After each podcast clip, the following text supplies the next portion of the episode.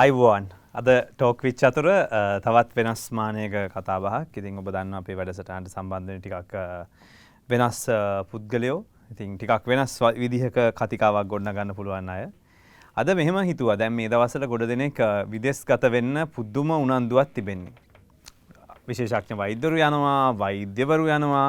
විශ්වවිද්‍යාල ආචාරරු ගත්තම ඔක්කොම රට යන්න බලාගෙනන යා කියාගෙන ඉන්න ඉතින් ඒ හින්ද ඔක්කොටම ප්‍රශ්නයක් ඉතින් ඇහුවම ගොඩාක් ප්‍රශ්න කියනවා මෙන්න මේ හේතු ඉද අපිට යන්න වෙනවා කියලා.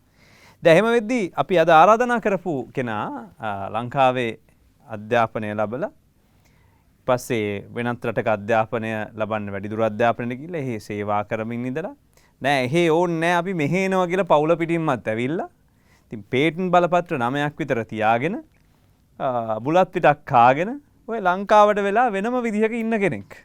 දැ මොකක්ද මේ වෙන්නේ ඇත්තරම. අපි අද ආරාධනා කළේ ඔහුට සම්බන්ධ වෙන්න. ඒ අපිත් එක්ක සම්බන්ධ වෙලා ඉන්න අත් දවසේ මහාචාරය ජගත් පිටවල මහත්මයා. ඉතින් අයිබුවන් අයිබුවන් චතුර. ඒ මහාචාරය ජගත් පිටවල මහත්මයා ඒ හිටපු පීටාධිපති විවාහරික විද්‍යාපීටේ වූ වෙල්ලස්ස විශ්වවිද්‍යාලේ ඒ වගේම අද වෙනකොට වර්තමාන පර්යේෂණ කමිටුවේ සභාපතිතුමා අපි ඔහුට ආරාධනා කළේ අද වැඩසටහනට. නිකන් මෙහෙම හිතෙන් නැද්ද ප්‍රොෆෙස මේ පේටන් නමයක් තියාගෙන ලංකාවට වෙලා? මේ ඉන්නවා කියලා කියන්නේ. ෆේල් චරිතයක් කියලා හිතෙන්නේ නැද්ද නිකන්? මොකක් හරි හොඳ දෙයක් කරගෙන ලෝකේ රටකට ගිහිල්ලා ඔය පේටන් ටික විකුණගෙන ජීවත් වෙන්න පුළුවන් හොඳට. චතුර පුද්ගලයෙක් විදිහට ජීවිතේ දකින්න ඕන ආකාර ගොඩක් තියෙනවා. මම හිතන්නේ මුදල් නෙවෙයි ජීවිතේ. මම මහාචාර්ය විදිහට සතුටු වෙන්නේ ලංකාවේ ඉගෙනගෙන අපේ දරුවන්ට මගේ දැනුම ලබා දීම තුලින් මම සතුටු වෙන්නේ. මොකද අපි දන්නවා අපි මරණයට පස්සේ අපිට අරන් යන්න බෑ අපේ ළඟ තියෙන භෞතික සම්පත් සියලු දේ. නමුත් අපි ඉගෙන ගන්න දැනුමෙන් සමාජයේ සංවර්ධනය සඳහා දායක වෙනවා කියන එක මම හිතන්නේ අනාගතයේ මගේ දරුවන්ටත් ප්‍රතිඵලයක් ලැබෙයි කියලා මම හිතනවා. දැන් ඔබ ස්වීඩනේ ඉගෙන ගත්ත කෙනෙක්? ඔව් මම සුවින් රාජ්‍යයේ පශ්චාත් උපාධිය දැහැරි. ඒතර අවුරුදු කීයක් විතර හිටියද? මම අවුරුදු 6කට ආසන්න වේ හිටියා.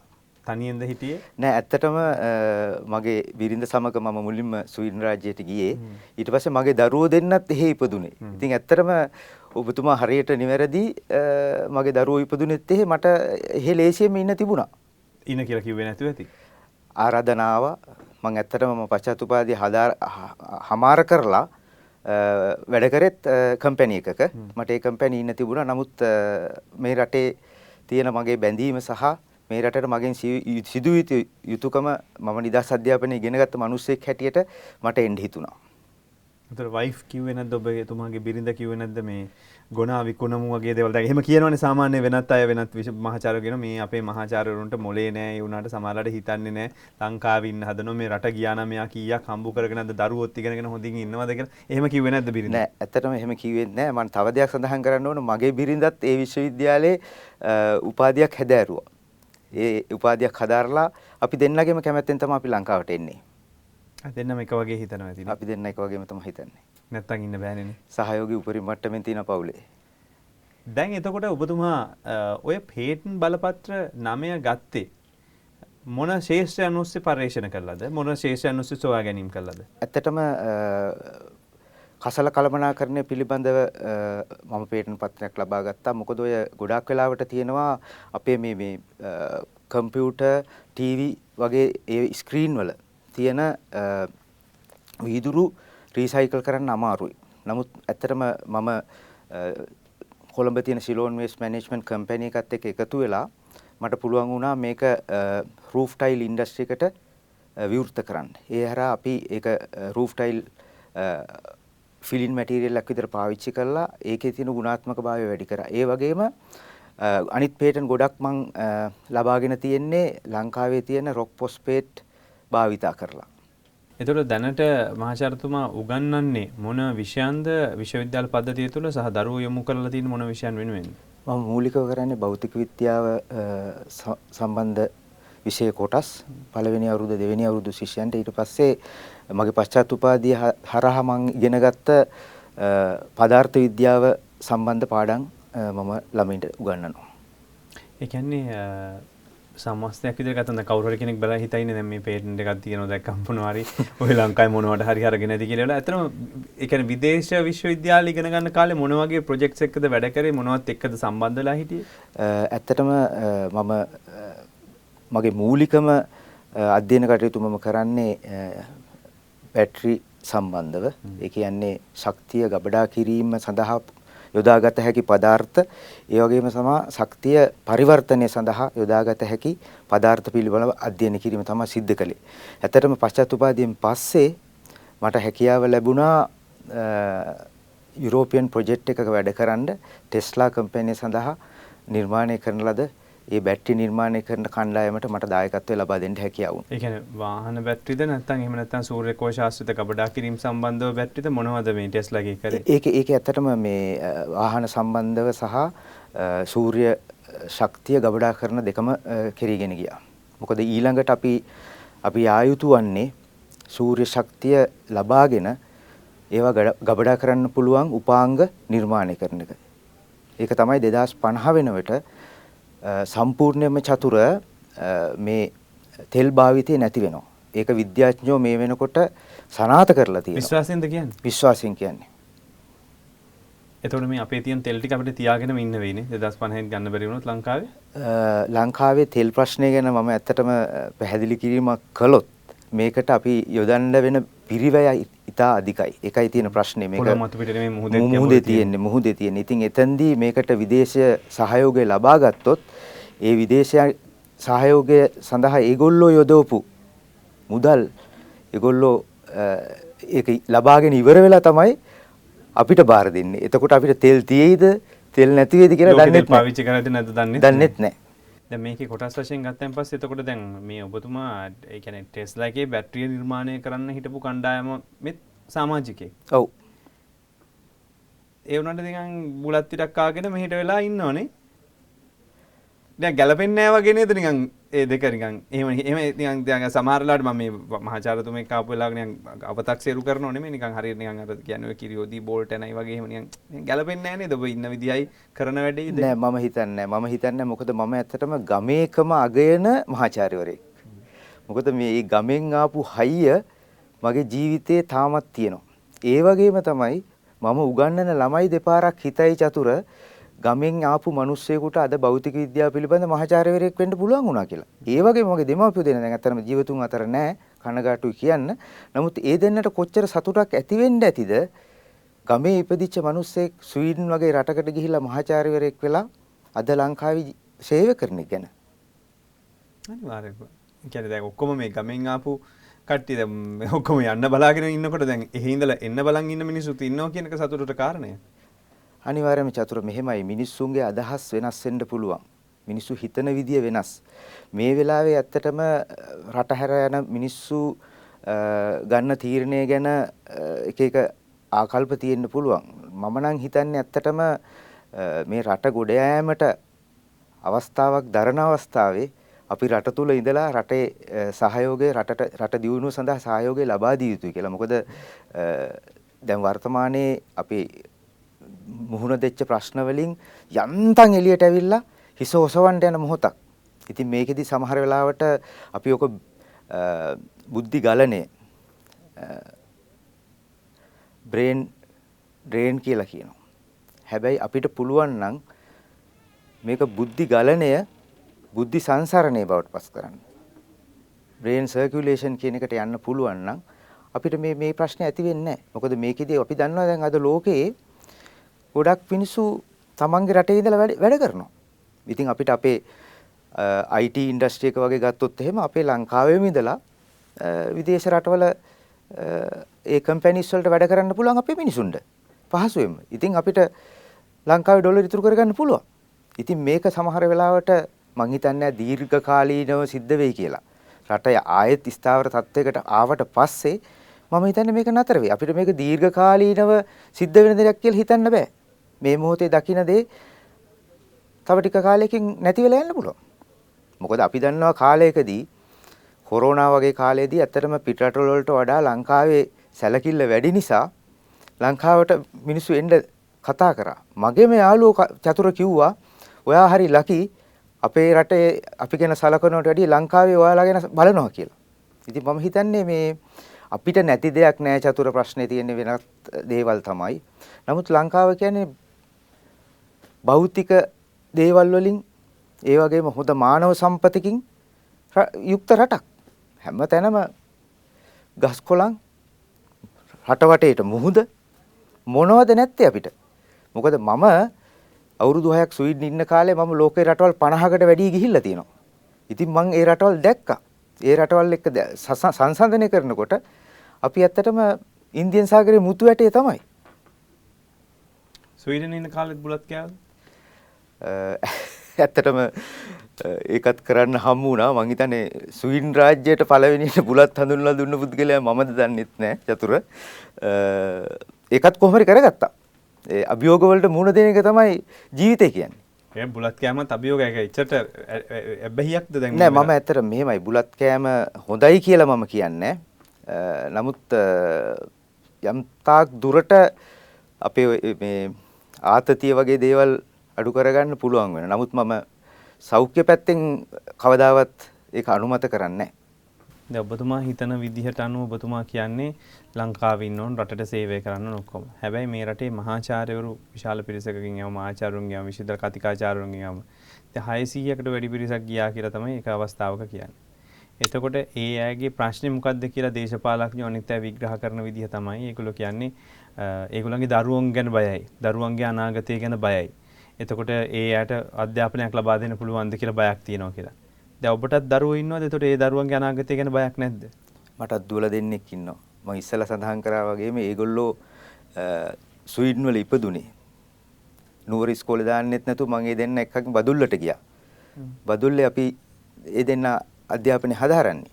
ඉතින් අපි දකිනවා ඒගොල්ලොන්ගේ දැනුමේ අඩුවක් නැහැ.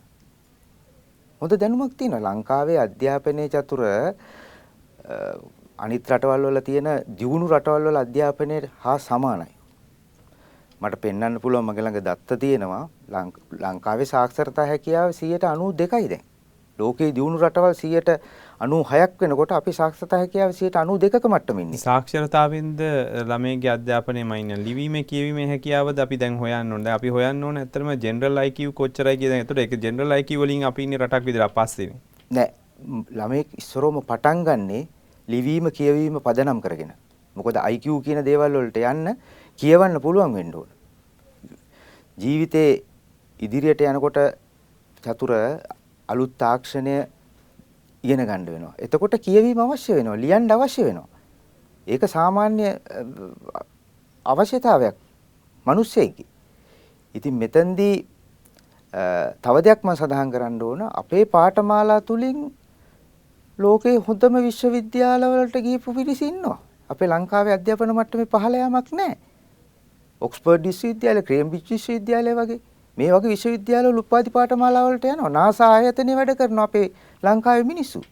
මම හිතන්නේ ලංකාවේ අධ්‍යාපනය හදාarලා මේ ඒ කට්ටියගේ අධ්‍යාපනය කඩාකප්පල් වෙනවා. ඔබතුමාට මේ හිතෙන්නේ නැද්ද ඔබතුමාට මං හිතන ඔබතුමායි ඔබතුමාගේ බිරිඳා හිතන විදිය එහෙම එක විදියෙන් දවුලක් නැතුව ඇති. නමුත් දැන් හිතෙන්නේ නැද්ද ලෝකේ පළවෙනි 18වත් නැති විශ්වවිද්‍යාල පද්ධතියක ඉන්න දරුවෙක් බවට මගේ දරුවා හෙට දවසේ පත් කරනවද?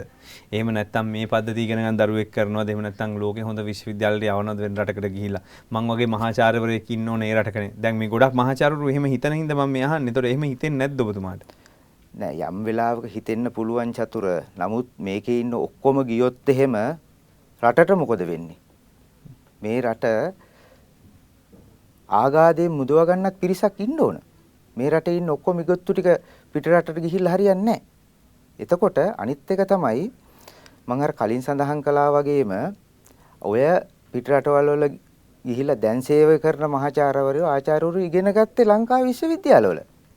ඔය ඔය කියපු 10 10 නැති වුණත් ඒ විශ්වවිද්‍යාලවල ඉගෙනගෙන. නමුත් මෑත කාලයේ තියෙන දත්ත අනුව පේරාදෙණි විශ්වවිද්‍යාලය කොළඹ විශ්වවිද්‍යාලය වගේ විශ්වවිද්‍යාල රෑන්ක් වලින් ඉහළට ඇවිල්ලා තියෙනවා. ඒ හින්දා අවුලක් වෙන්නේ නැහැ. අවුලක් වෙන්නේ නැහැ. අපි මේ කතාව ඔහොමම තියලා දැන් අපි මේ දැන් විශ්වවිද්‍යාල පද්ධතිය බුද්ධි ගලනේ මේ වගේ දේවල් කතා කරා. මුදම පේටන්ට් ගන්න ගත්ත ශේෂ්ත්‍ර ගැන සඳහන් කළා. එතකොට නිර්මාණ විදිහට මොනවද ඉදිරිපත් කළ තියෙන දේවල්?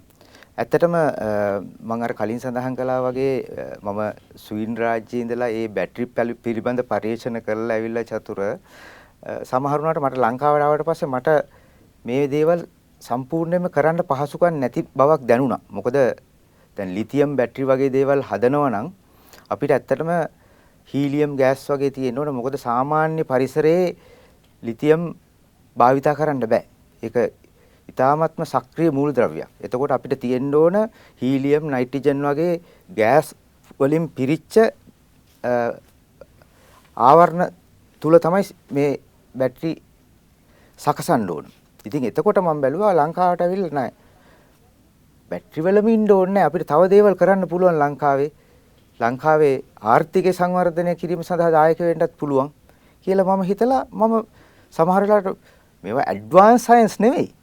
ඒ වුණාට සරලයි නමුත් ප්‍රායෝගිකයි. ඉතින් මම මේ වෙලාවේ කැමැති මට ඉඩකඩ ලබා දෙනවා නම් මම ඒ අනිවාර්යයෙන්ම ඔබතුමාගේ නිර්මාණ මොනවද කරපු පේන ගත්ත දේවල් මම කීපයක් අතර මේවා මම මේ මගේ විශ්වවිද්‍යාලයේ උපාධි ලබා ගන්න බලාපොරොත්තු හිටපු දරුදරියන් එකතු කරගෙන ඒගොල්ලොන් තියෙනවා අවසාන වසරේ හතරවෙනි වසරේ පරිශ්‍රණයක් කරන්න. ඉතින් ඒ හරහා කරපු සමහර පරිශ්‍රණ වලින් එකක් මේක ඇත්තටම ලංකාවේ තියෙන ප්‍රධාන ප්‍රශ්නයක් තමයි පොලිතීන්. ප්ලාස්ටික් සමහර වෙලාවට අපි වෙනත් දේවල් වලට යොදා ගන්න පුළුවන්. ප්ලාස්ටික් කුඩු කරලා අය වෙන භාජන හදන්න පුළුවන්. නමුත් පොලිතීන් කියන්නේ ලොකු ප්‍රශ්නයක්. ඉතින් පොලිතීන් සහ නොරොච්චෝලේ ෆ්ලයි ඇෂ් එක එකතු කරලා නිර්මාණය කරපු ගඩොලක් තමයි මේ තියෙන්නේ. මේක හරි මේ හරිම ශක්තියෙන් ඉහළයි. ඒ වගේම මේක සැහැල්ලුයි. සැහැල්ලුයි. හරිම සැහැල්ලුයි. ඉතින් මේ මේක පොලිතීන් කියන අමුද්‍රව්‍ය තියෙනවා මේකේ ෆ්ලෙක්සිබිලිටි එකත් වැඩි වෙනවා. එතකොට මේවා කම්පන වලට ඔරොත්තු දීමත් වැඩියෙන් අපිට සාමාන්‍ය සිමෙන්ති ගඩොල් වලට වඩා තියෙනවා කියලා මම කියනවා. එතකොට දැන් ওই ගලක් මේ ගලක් සාමාන්‍යයෙන් ප්‍රඩක්ෂන් කොස්ට් එක ගත්තොත් කීයක්කට විතර දෙන්න පුළුවන්ද මේ වගේ ගලක්? ඇත්තටම දැන් විදුලි බිල වැඩිවීම නිසා අපිට ඔකේ අලුත් ගණනය කිරීම සිද්ධ කරන්න බැරුණා මම ඕක ඇත්තටම කොරෝනා කාලටත් කලින් තමයි මම ඕක නිෂ්පාදනය කරේ. ඒ කාලෙදී අපිට රුපියල් 13ක් වගේ වියදමක් තමයි ඕකට යන්නේ. ඒ කාලේ. නමුත් අපි දැන් මේක ගත්තත් තියෙන රුපියල් 50ට අඩුවෙන් තියෙන්නේ නේ මේක දැන්ටත්. නෑ ඕක අපි රුපියල් 25කට දුන්නත් අපිට පාඩු නෑ. පාඩු නෑ. එතකොට මේකෙන් ඕනතරම් ප්‍රමාණයක් නිර්මාණය කරන්න පුළුවන්ද වෙළඳ පොළට? පුළුවන්. මෙහෙමයි. දැන් අපි ඇත්තටම ඒකට හඳා නිර්මාණය කරගෙන යනවා උපකරණ. අපි කියන එක්ස්ට්‍රූඩ් එකක් විතරයි අවශ්‍ය වෙන්නේ. ඊට පස්සේ අපි ප්ලාස්ටික් පොලිතින් ඒක අඹරන්න ඒ උපකරණ ටික හදාගත්තම ඒවා සාමාන්‍යයෙන් ලංකාවේ හදන ආයතන තියෙනවා. ලංකාවේ ගඩොල් හදන්න පුළුවන් මැෂින්ස් තියෙනවානේ. ඉතින් ඒ වගේ සාමාන්‍ය සරල උපකරණ තමයි අවශ්‍ය වෙන්නේ මේ මේක නිෂ්පාදනය සඳහා. මේක ඒතකොට පාවිච්චි කරන්න වෙන්නේ පොළොවට ඇතුරුම් ගලක් විදිහට විතරද එහෙම නැත්නම් නිවස් හදන්න මොනවා හරි ඒ වගේ නෑ ඇතුරුම් වලට වගේම පුළුවන් සාමාන්‍යයෙන් දැන් මොකද ඉහළට යන ප්‍රශ්නයක් නැති අපි ඉහළ යනකොට ගොඩනැගිල්ලක් බර ප්‍රශ්නයක් තියෙනවා. ඒ හින්දා සමහර වෙලාවට ශක්තිමත් gadol يعني gadol වගේ දේවල් වලින් පහළ කොටස නිර්මාණය කරලා ඉහළ කාමර වෙන් කරන්න ඒ වගේ දේවල් වලට විසිතුරු ප්‍රදේශ ආවරණය කර ගැනීම සඳහා මේක යොදා ගන්න පුළුවන් චතුර. තව මොනවද ඔබතුමා කරපු නිර්මාණ? ඔව් ඇත්තටම කාලීන වැදගත්කමක් තියෙන දෙයක් තමයි දැන් මම කියන්න යන්නේ. මොකද අපිට ප්‍රශ්නයක් ආවා මේ පේපර්ස් වල පත්තර හිඟකමක් හිඟකමක් තිබුණා. දැන් උනත් මේ අපි විසි කරලා තියෙන පත්තර කිලෝ එකක් රුපියල් 400ක් වෙනවා රුපියල් 50ට තිබ්බ. ඉතින් ඇත්තටම මේකත් මම විශ්වවිද්‍යාලයේ මගේ කාමරේ ඉන්නකොට මම දැක්කා තනකොළ එහෙම නැත්නම් ගිනි ග්‍රාස් තියෙනවා. ඉතින් මට හිතුණා මේකෙන් අපිට බැරි වේද මොන හරි නිර්මාණයක් කරන්න කියලා. ඇත්තම කර ඇත්තම සිද්ධියක් මම මේ කියන්නේ. ඉතින් එතෙන්දී මට හිතුණා පේපර් මැටීරියල් එකක් හදන්න පුළුවන් වෙන්න ඕන මේකෙන් කියලා. ඉතින් ඇත්තටම මම සාර්ථක වුණා එදා. සාර්ථක වෙලා මේ තියෙන ඇත්තටම ගිනි ග්‍රාස් ඕක මේක වේලිලා තියෙන්නේ චතුර. නමුත් ඔයගොල්ලෝ දන්නවා මේ ගිනි ග්‍රාස් මේක හරිම කරදරයක් අපිට දැන්. මොකද ගොවියන්ට ගොවියන්ට කරදරයක්. ඒ වගේම සාමාන්‍ය මේ නිවසේ ඉතාම සීග්‍රීන් බෝ වෙන දෙයක් කොට ළමයින් කරන්න පිච්චුවත් හරියන්නේ හරියන්නේ මේක සීග්‍රීන් වැවෙන එකක්. ඒකෙන් නිර්මාණය කරපු පේපර් මැටීරියල්ස් මේ තියෙන්නේ. ඉතින් මේක මම මගේ යාළුවෙකුට පෙන්නකොට එයා මට අදහසක් දුන්නා. එයා තායිලන්තේ ගිහිල්ලා ගෙනාපු තායිලන්තේ භාවිතා වෙන මේ ලන්තෑරුම් වලට වගේ දේවල් වලට පාවිච්චි කරන්න පුළුවන් මේ වගේ නිර්මාණ. ඉතින් බලන්න අපිට මං කිව්ව එකයි සරලයි. මේකේ තියෙන්නේ පොඩි විද්‍යාවක්. නමුත් යොදාගත හැකි දේවල් ගොඩක්. ඒ වගේම තව මේක ටිකක් ඇත්තටම මට කියන්න පුළුවන් ටිකක් ඇඩ්වාන්ස් මැටීරියල් එකක් කියලා. මොකද අපි ඇත්තටම දැන් පදාර්ථ කියන ඒවා ගත්තම මේ වගේ දේවල් සාමාන්‍යයෙන් ටිකක් සරල අපි මේක ඇප්ලිකේෂන් එක ඇඩ්වාන්ස් නෑ. නමුත් මෙතනක් තියෙන්නේ අපි වේස්ට් එකක් විදිහට පාවිච්චි කරන පදාර්ථයක්. මේක දන්නවා අපි ඔයිස්ටර් සෙල්ස් කියනවා. මේකේ ඉතා සුළු ප්‍රමාණයක් තමයි මස් තියෙන්නේ. ඒ වුණාට 198ක් විතර මේකේ විසිකරන එක තමයි කරන්නේ මස් ටික අරගෙන. මේක ලංකාව වටේ තියෙන ඔයිස්ටර් සෙල්ස්. මට පුළුවන් වුණා මේකේ මේ මේක භාවිතා කරලා අපේ දත් පුරවන්න පුළුවන්, අස්ථි නිර්මාණය කරන්න පුළුවන් පදාර්ථයක් හදන්න. මොකද අපේ දත් අස්ථි වගේ දේවල් හැදිලා තියෙන චතුර හයිඩ්‍රොක්සි ඇපටයිට් කියන සංයෝගය. හයිඩ්‍රොක්සි ඇපටයිට් කියන්නේ කැල්සියම් සංයෝගයක්. එතකොට මේක කැල්සියම් කාබනේට්. මේ කැල්සියම් කාබනේට් තමයි මම පරිවර්තනය කරේ හයිඩ්‍රොක්සි ඇපටයිට් බවට. මොකද සාමාන්‍ය පොළවෙන් ගන්න කැල්සියම් කාබනේට් වලට වඩා පිරිසුදුභාවය මේකේ වැඩි. මොකද මේක ජීවියෙක්. ඉතින් ඒ හින්දා මේ වගේ එකක් නිර්මාණය කරන්න හම්බුණා. ඒ වගේම තව එකක් ඇතරම මොකක් කියලා හිතන්නේ චතුර මේක මේ මේ ස්පාංචි කෑල්ලක් කන්න පුළුවන් මේක මම ඇත්තටම යාළුවොන්ට එහෙම පෙන්නකොට ගොඩක් කට්ටිය දන්නේ ස්පාංචියක් කියලා මේක ස්පාංචියක් නෙවෙයි මේක සබන් කැටයක්. මේ සබන් කැටේ මම නිර්මාණය කරේ ලංකාවේ තියෙන කියෝලින් මැටි භාවිතා කරලා. කාට හරි හිතෙන්න පුළුවන් අපෝ සබන් මේ මැටි වලින් හදපු සබන් කියලා. හොඳට මතක තියාගන්න ඉන්දියාවේ සබන් කර්මාන්තේ සම්පූර්ණයෙන්ම රඳා පැවතිලා තියෙන්නේ මැටි මත. ඒ වගේම තමයි රූපලාවන්‍ය පදාර්ථ අපේ තොල් පාට කරන්න පුළුවන් දේවල්. ඒවා ඔක්කොම හදන්නේ මැටි වලින්. ඉතින් ලංකාවේ හොඳ කෙයොලින් තියෙනවා ලංකාවේ මීතියාගොඩ. ඉතින් ඒක පාවිච්චි කරලා තමයි මම මේ සබන් කැටේ නිර්මාණය කරේ. මම මේකේ සියලුම ගුණාංග වෙළඳපළේ තියෙන මේ අනිත් සබන් එක සංසන්දනය කරලා බැලුවා. මේක ඊටත් ඉහළ තත්යකට ඇවිල්ලා තිනවා. ඒ වගේම තමයි මම මේකට මේ ආයුර්වේදික් මෙඩිසින් එකකුත් දාලා තියෙන්නේ. ඔගොල්ලෝ දන්නේ නැති පෙනල කියලා තියෙනවා ලොකු ගස් වර්ගයක්. ඒකේ පෙනල ඇට අරගෙන ඒකත් මේකට දාලා තිනවා. එතකොට මේකේ ආයුර්වේද ගතියත් වැඩි කරගන්න හැකියාව ලැබිලා තියෙනවා. ඒ කියන්නේ සබන් ගතිය වැඩි කරන දෙකෙන් කරේ පෙනගෙන ගතිය වැඩි කරන්න. ඒකෙන් මම බැලුවේ ඇත්තටම සමය සමේ සමේ රෝග ඒ වගේ දේවල් වලට මේකෙන් යහපතක් ඒ කියන්නේ උදව්වක් ලබා ගන්න. දැන් ඉතින් මීඩියා කොට ගිහිල්ලා චන්ද්‍රකාන්ති පාෂාණි විතරක් බලලා ඉන්න එපා. මේ මූන් ස්ටෝන් විතරක් නෙමෙයි ක්‍රෝලින් තියෙනවා. ඉතින් මොනවා හරි නිර්මාණ කරනවනේ. හැබැයි දැන් ඕක දැන් ඔය ඔක්කොම තියෙනවා. නමුත් දැන් ඔය ඔක්කොම හදලා පර්යේෂණාගාර මට්ටමේ හදන ඒවා ටිකක් තියාගෙන පේටන්ට් එකක් අරගෙන කියනවා රට කොට දාන්න පුළුවන් කියලා. ඕවගෙන් පුළුවන් රට කොට දාන්න ඇත්තටම.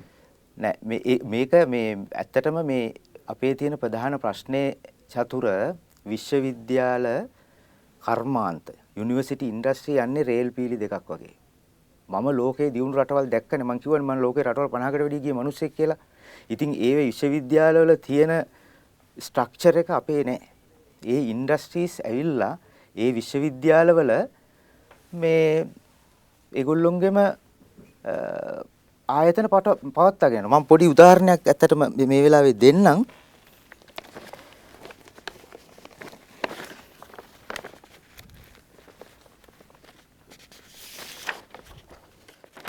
චතුර දැන් මම හිතන්නේ ඔයාලට පේනවා ඇති මේ තියෙන්නේ ලෝකේ රටවල් වර්ගීකරණය කරලා තියෙන විදිහ පරිේශකයෝ ප්‍රමාණය. ඇත්තටම බිලියන් වලින් තමයි මිලියන් වලින් තමයි සඳහන් කරලා තියෙන්නේ මේ y අක්ෂය. ඊට පස්සේ පර්යේෂණ සහ ඒ වගේ දියුණුව සඳහා R&D වලට දලදේශීය නිෂ්පාදනයෙන් කොච්චර ප්‍රමාණයක් වැය කරනවද කියන එක තමයි මේ එක්ස් අක්ෂයේ තියෙන්නේ. ඉතින් එතකොට මේ රටවල් වර්ගීකරණය කරලා පර්යේෂණ මට්ටමින් ඉහළට ගිහිල්ලා රටේ ආර්ථිකයට දායක වෙන්න විශ්වවිද්‍යාල යොදා ගන්නවා නම් අපි මෙන්න මේ දිශාව ඔස්සේ තමයි ගමන් කරන්න ඕන.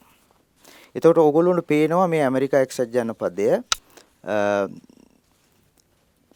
එතකොට ජපානය ස්වීඩන් මේකේ රටවල් මේ පැත්තේ තියෙනවා. ඒ වගේම එක එකක් මතක තියාගන්න මේ දත්ත මන් ලබා දෙන්නේ 2000 10 10 වර්ෂයේ ඊර්ෂායලේ තමයි ඇත්තටම මේ සයන්ටිස්ලා ප්‍රමාණය අඩු වුණාට වැඩිම ආර්ථිකය වැය කරන්නේ පරිශ්‍රණ සඳහා. මෙතන මගේ පණිවිඩයක් තියෙනවා. මගේ පණිවිඩය තමයි මේ 2010 අවුරුද්දයි 2022 අවුරුද්දයි මම සංසන්දනය කරනවා. එතකොට මේක සංසන්දනය කරනකොට මම විශේෂ ලක්ෂණයක් දැක්කා සවුත් කොරියා. මේ සවුත් කොරියා 2010 ඉන්නේ මෙතන. 2022 මේ ගිය අවුරුද්ද වෙනකොට මෙන්න මේ වගේ ස්ථානයකට අවිල්ලා තියෙනවා. අද සවුත් කොරියාවල කොච්චර නිෂ්පාදන තියෙනවද? අපේ ටීවී එක එන්නේ සවුත් කොරියාව වලින්, යුරෝපේට ටීවී යන්නේ සවුත් කොරියාව වලින්. වාහන හදනවා. Mobile phone. මොබයිල් ෆෝන් මොනවද නැත්තේ? මෙන්න තියෙන රහස. ඉතින් මම හිතන්නේ අපි රටක් විදිහට ඒ පැත්තෙන් හිතුවොත් මම හිතන්නේ අපේ ආර්ථිකයේ ප්‍රශ්නයක් වෙයි කියලා. තව දෙයක් තමයි අර විශ්වවිද්‍යාලය මේ ඇයි මොකද මේ මේව පරිශන කරනවා මේව කරාට විශ්වවිද්‍යාලවල දායකත්වයක් නැහෙනේ මේ පරිශන කරාට ආර්ථික සංවර්ධනයක් නැහෙනේ කියනවා. නමුත් මෙතන තියෙනවා මේක ඇත්තටම එක මොඩල් එකක් මට හම්බ වෙච්ච මේකෙත් ලොකු පණිවිඩයක් තියෙනවා අපිට දෙන. මේකේ ඇත්තටම තියෙන්නේ විශ්වවිද්‍යාල සහ කර්මාන්ත අතර තියෙන ආකර්ෂණය සම්බන්ධව මේකේදී අපි දැනුම අනිවාර්යයෙන්ම තාක්ෂණයට හරවන්න ඕන. දැනුම තාක්ෂණයට හරවනකොට අපිට පුළුවන් ව්‍යවසායකත්වය මුල් කරගත්ත විශ්වවිද්‍යාල මේ පැත්තේ බිහි කරන්න. එතකොට ඔයාට ඕනනම් දැනුම තාක්ෂණය විදිහට පරිවර්තනය කරගෙන ව්‍යවසායකත්වය මූලික කරගත්ත විශ්වවිද්‍යාල පත් කරන්න යනකොට මෙන්න මේ පාත් එකේ තමයි අපි යන්න ඕන. මේ මාර්ගය තුල යන්න ඕන. සාමාන්‍යයෙන් type 1 කියන එක අපි එදිනෙදා ජීවිතේදී කරනවා. සෙමිනාර්ස් වර්ක්ෂොප්ස් ඔය වගේ දේවල් අපි කරනවානේ.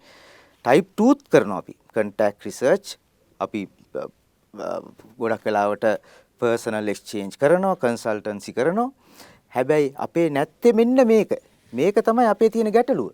අපිට නෑ සයන්ස් පාක්ස් ඉන්කුබේටර්ස් නෑ. අපි හදන මේ මේ මේ මේ මේ මේ මං හදපු මේක ඉන්කුබේටර් එකක් කරා විශ්වවිද්‍යාලයේම ඇතුළෙම මට පුළුවන් පොඩි කඩයක් දාගන්න. අපිට අපේ විශ්වවිද්‍යාලයේ ඇතුලේ එකතු වෙන වේස්ට් ටික මට පුළුවන්. විශ්වවිද්‍යාලය ඇතුළෙම උපකරණ ටිකක් වර්ක්ෂොප් එකකට අරගෙන මේ ටික හදාගන්න. ඔක්කොම තියෙනවා. අපිට විශ්වවිද්‍යාලයේ තියෙන කුණු ප්‍රශ්නෙත් විසඳෙනවා.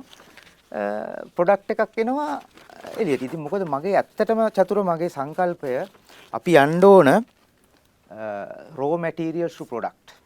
අපේ ලංකාවේ තියෙන raw materials අපි කිසිම අගයක් එකතු කරන්නේ නැතුව තමයි පිටරටවල් වලට විකුණන්නේ. මේක මෙන්න මේ මූලධර්මයෙන් අපි අනිවාර්යෙන් ගැලවෙන්න ඕනේ. එතකොට තවත් අපිට ඇත්තට ලේසි වෙනවා. මම කියන්නේ අපි බලන්න චතුර කැල්සියම් කාබනේට් හුණුගල් තියෙනවා. හුණුගල් වලින් අපි මොකද කරන්නේ? අපි එක්ක හුණු හදන එක එහෙම නැත්නම් සිමෙන්ති කර්මාන්තය සඳහා යොදා ගන්න එක. ඒ වුණාට අපිට පුළුවන් නම් කැල්සියම් කාබනේට් නැනෝ පාටිකල්ස් හදන්න. ගොඩාක් ඉන්ඩස්ට්‍රීස් තියෙනවා. අපේම පේන්ට් ඉන්ඩස්ට්‍රියට පාවිච්චි කරන්න පුළුවන්. පැරසිටමෝල් පෙත්ත හදන්න Chathura calcium carbonate nano particles ඕන වෙනවා. අපේ එන්නේ ඒකයි මම කියන්නේ. අපි ඇත්තටම මේ අපේ ළඟ තියෙන රටේ තියෙන ಖನಿජ සම්පත් කිසිම වැලියු ඇඩිෂන් එකක් කරන්නේ නැතුව තමයි අපි පිටරටවල වලට දෙන්නේ. අපිට පුළුවන් නම් අපේ දේවල් වලින් අපේ කර්මාන්තශාලා හදාගන්න ඉතාමත්ම ලේසි වෙනවා. දැන් මං හිතන්නේ මේ වැඩසටහනට ඇවිල්ලා අපේම විශ්වවිද්‍යාලයේ ශිෂ්‍යෙක් කතා කරා ලංකාවේ ග්‍රැෆයිට් සම්බන්ධව. ලංකාවේ තියෙන නහර මිනිරන් කියන එක තමයි ලෝකයේ තියෙන හොඳම පිරිසිදු මිනිරන් වර්ගය. අද ඔයාගේ මොබයිල් ෆෝන් එක හදලා තියෙන එක කොටසක් අපේ සාමාන්‍ය බැටරියක් ගත්තම කැතෝඩය ඇනෝඩය සහ ඉලෙක්ට්‍රෝලයිට් කියන කොටස් තුනෙන් තමයි තියෙන්නේ. මේකේ කැතෝඩය සෑදීම සඳහා කාබන් භාවිත කරලා තියෙන්නේ. අපි කරලා තියෙන්නේ අපේ කාබන් ටික පිටරටට දීලා එහෙන් හදපු ෆෝන් එක ලංකාවට ගේනවා. දැන් ඔය කතාවේ ඔහොම කිව්වට මහාචාර්යතුමා දැන් මේ වියදම සම්බන්ධයෙන් ගත්තම දැන් ග්‍රැෆීන් හරි මොනවාක් හරි කියලා කියනවා අපිට මේකෙන් රට කොට දාන්න පුළුවන් කියලා. හැබැයි ඊට පස්සේ ආපහු ගිහින් බලනකොට ලෝකෙම මේ බිස්නස් එකේ ප්‍රමාණය ගත්තම 600 මිලියන් විතර ඩොලර් මිලියන 600ක් විතර 650ක් විතර බිස්නස් එකක්. එතකොට ඉතින් ඕවගේ බිස්සස් එකක් පර්යේෂණාගාර තත්ත්වයන් යටතේ ගන්න දේවල් වලට ග්‍රැෆීන් හරි මොකක් හරි යනවා වෙන්න පුළුවන්. හැබැයි ඉතින් ඒක වර්ල්ඩ් මාකට් එකේ අපිට එච්චර ලොකු ඉඩක් නැහැ නේ තාමත්. එහෙම නැහැ නේ ඉඩක් මේක බිලියන ගානක බිස්නස් එකක් නෙමෙයිනේ. නෑ ඇත්තටම දැන් අඩුම ගානේ අපිට එක එක පියවරක් ඉහළට යන්න පුළුවන් නම් ඇති. මේක හාරලා ගත්තා කැඩුවා අපිට ඇත්තටම අඩු ගානේ පුළුවන් නම් මේකේ පාටිකල් සයිස් එක තවත් අඩු කරලවත් අඩු ගානේ දෙන්න. අපිට පස් ගුණයකින් විතර ආදායම් වැඩි කරගන්න පුළුවන්. නෑ අනිත් එක තමයි චතුර මෙතන තියෙනවා දැන් තව වැදගත් දේවල් ටිකක්. මොකද හේතුව තියෙන්නේ දැන් අපේ දේශීය අමුද්‍රව්‍ය තුලින් අමුද්‍රව්‍ය වලට අපි වියදම් කරන්න අවශ්‍ය නැහෙනි. මොකද අපේ දේවල්ම කර්මාන්ත ශාලා සඳහා අපි යොදා ගන්නවා නම් අපිට අමුද්‍රව්‍ය වලට යන වියදම අඩු කරගන්න පුළුවන්. ඉතින් ඒකෙදී කනිජ සම්පත්ම නෙවෙයි මම කතා කරන්න ඕන. අපි ඇත්තටම කතා කරනවා නම් දැන් ඔයා මේ කිව්වනේ ආර්ථිකය සම්බන්ධව ටිකක් වැඩිපුර කතා වෙනවනේ දැන් අපි. අපේ ටුවරිසම් ඉන්ඩස්ට්‍රි එක ගැන හිතන්න. මොකද ඇත්තටම තියෙන මේ ආර්ථික ප්‍රශ්නේ විසඳගන්න මම හිතන්නේ කෙටි කාලීන මධ්‍ය කාලීන දිගු කාලීන වගේ වැඩපිළිවෙල වලට යන්න ඕනේ. දැන් මම අර කලින් කතා කරපු අපේ පදාර්ථ භාවිතා කරලා බැටරි හදන එක දීර්ඝ කාලීන වැඩක්. හැබැයි කැල්සියම් කාබනේට් නැනෝ පාටිකල්ස් හදන එක ලොකු ලොකු විද්‍යාවක් අවශ්‍ය නැහැ ඒකට. ඒක මම කියන්නේ ඒක ඒක ඉක්මනට කරන්න පුළුවන් දෙයක්. ඒ වගේම අර කලින් කතා කරපු ටූරිසම් ගත්තම ඉතා ඉක්මනින් කරන්න පුළුවන් දෙයක්. අපිට ඒක කෙටි කාලීනව කරන්න පුළුවන් දෙයක්. හැබැයි අපි අවබෝධ කරගන්න ඕන අපිට ගැළපෙන සංචාර කර්මාන්තයක් හදන්න ඕන. මොකද හේතුව තියෙන්නේ අපි වෙනස් වෙන්න ඕන.